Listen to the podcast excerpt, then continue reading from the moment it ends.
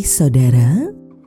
Kembali kita ada di dalam sapaan pagi, mendengarkan Tuhan menyapa kita di dalam firman-Nya. Namun, sebelum kita mendengarkan sapaan dalam firman itu, mari teduhkan hati kita berdoa. Terima kasih ya Tuhan untuk hari baru yang Engkau berikan.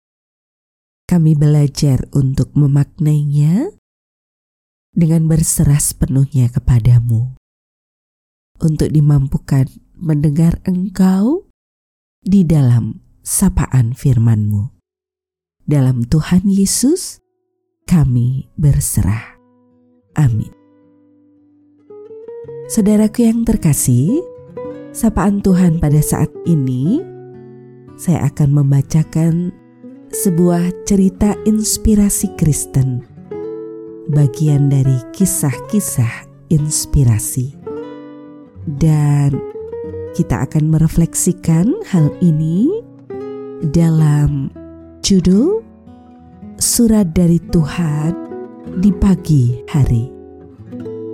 Selamat pagi. Saat kamu bangun pada pagi hari ini, aku memperhatikanmu dan berharap kamu akan segera menyapaku, walaupun cuma beberapa kata saja, dan bersyukur kepadaku atas segala sesuatu yang baik yang telah terjadi dalam hidupmu kemarin.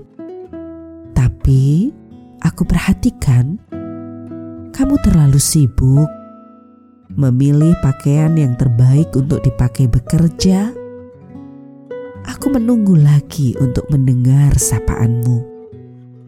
Setelah siap, aku tahu bahwa kamu memiliki waktu beberapa saat untuk berhenti sejenak untuk menyapaku.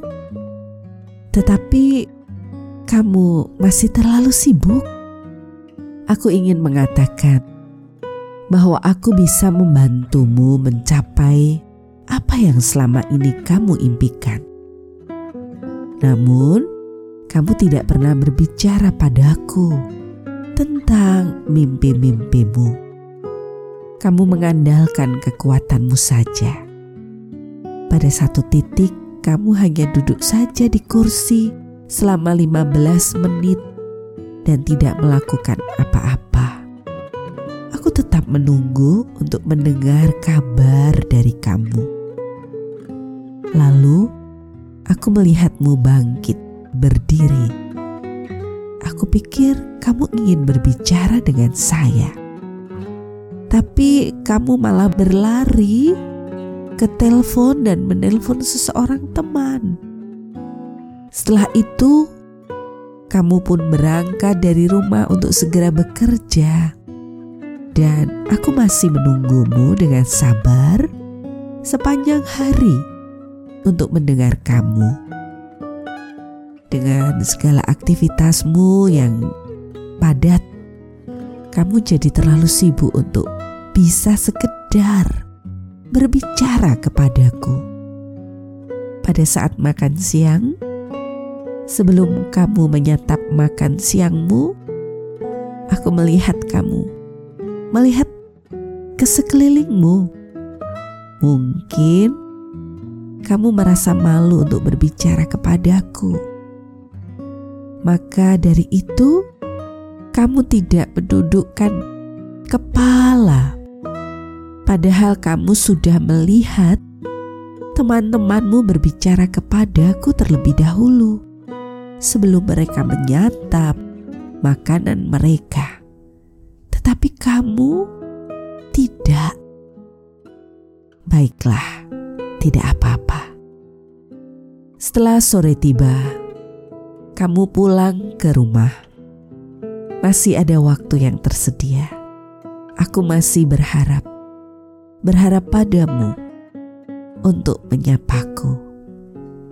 Ternyata masih banyak pekerjaan yang harus kamu selesaikan ya di rumah. Setelah selesai, kamu menghidupkan TV. Aku tidak tahu kamu suka menonton acara-acara di televisi atau tidak. Hanya saja, kamu kerap kali menghabiskan banyak waktu di depannya tanpa memikirkan apa-apa, kecuali menonton setiap acara yang ada sambil menikmati cemilan. Kembali aku menunggumu dengan sabar, tetapi kamu masih saja tidak menyapaku. Tibalah waktu untuk tidur bagimu.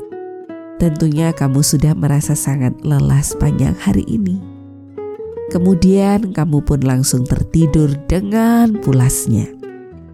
Tidak apa-apa, karena mungkin kamu tidak menyadari bahwa aku ini selalu ada di sekitarmu.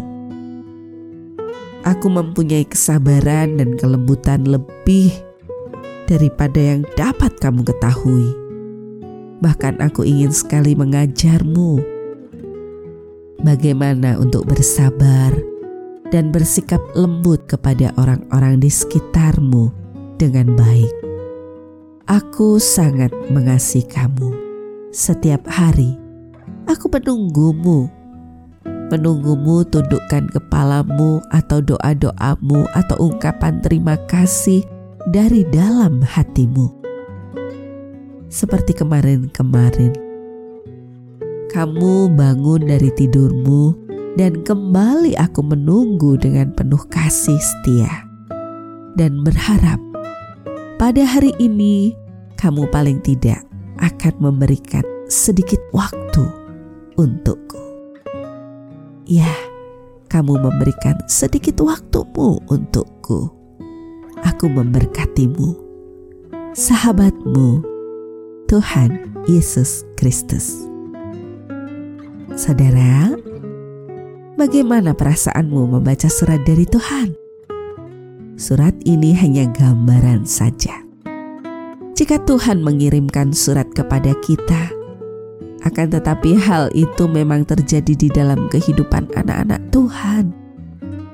Banyak anak Tuhan saat ini terlalu sibuk dengan kehidupan masing-masing dan mulai menggeser posisi Tuhan di dalam hidupnya. Kita lupa untuk menyediakan waktu yang khusus buat dia setiap hari. Kasihnya, kasih Tuhan Yesus sungguh luar biasa buat kita.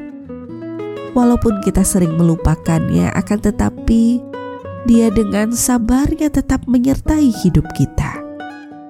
Mari, mulai saat ini, utamakanlah Tuhan dalam hidupmu.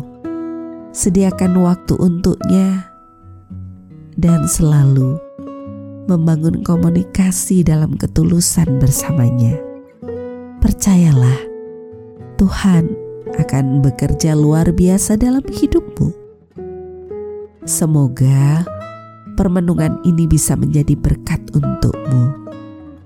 Jika kamu diberkati dengan renungan ini, terus dan terus berserahlah dan ceritakan kisah hidupmu di dalam komunikasimu dengan Tuhan. Berikan waktumu secara khusus untuknya. Ceritakan semuanya padanya. Dia ada untukmu senantiasa.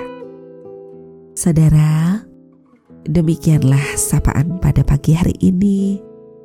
Surat dari Tuhan, bagian dari cerita inspirasi Kristen. Tuhan merengkuh kita dengan cinta kasihnya. Mari kita berdoa. Engkau yang empunya hidup kami, seutuhnya kami berserah kepadamu. Engkau melihat setiap hal yang terjadi dalam diri kami. Engkau ada untuk kami. Engkau menjadi pelita yang terus memberikan sinar kehidupan itu. Dalam suka duka, sehat sakit, kami berserah padamu. Kami juga menyerahkan saudara kami yang pada saat ini masih dalam isoman mereka dalam pemulihannya. Tuhan, Engkau menilik setiap dari mereka.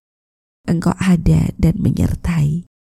Kami berserah padamu untuk pemulihan keadaan kami semua. Kami yakin Engkau memberi yang terbaik dalam waktu hidup ini. Di dalam Tuhan Yesus, sumber kehidupan yang sejati, kami naikkan doa kami. Terima kasih ya Tuhan. Amin. Saudaraku, demikianlah sapaan pada pagi hari ini. Terus dengarkan Tuhan menyapa kita di dalam firman-Nya. Saudara bersama saya, Esti Widya Stuti, Pendeta Jemaat Gereja Kristen Jawa Pakem, ada di lereng Gunung Merapi. Tuhan memberkati.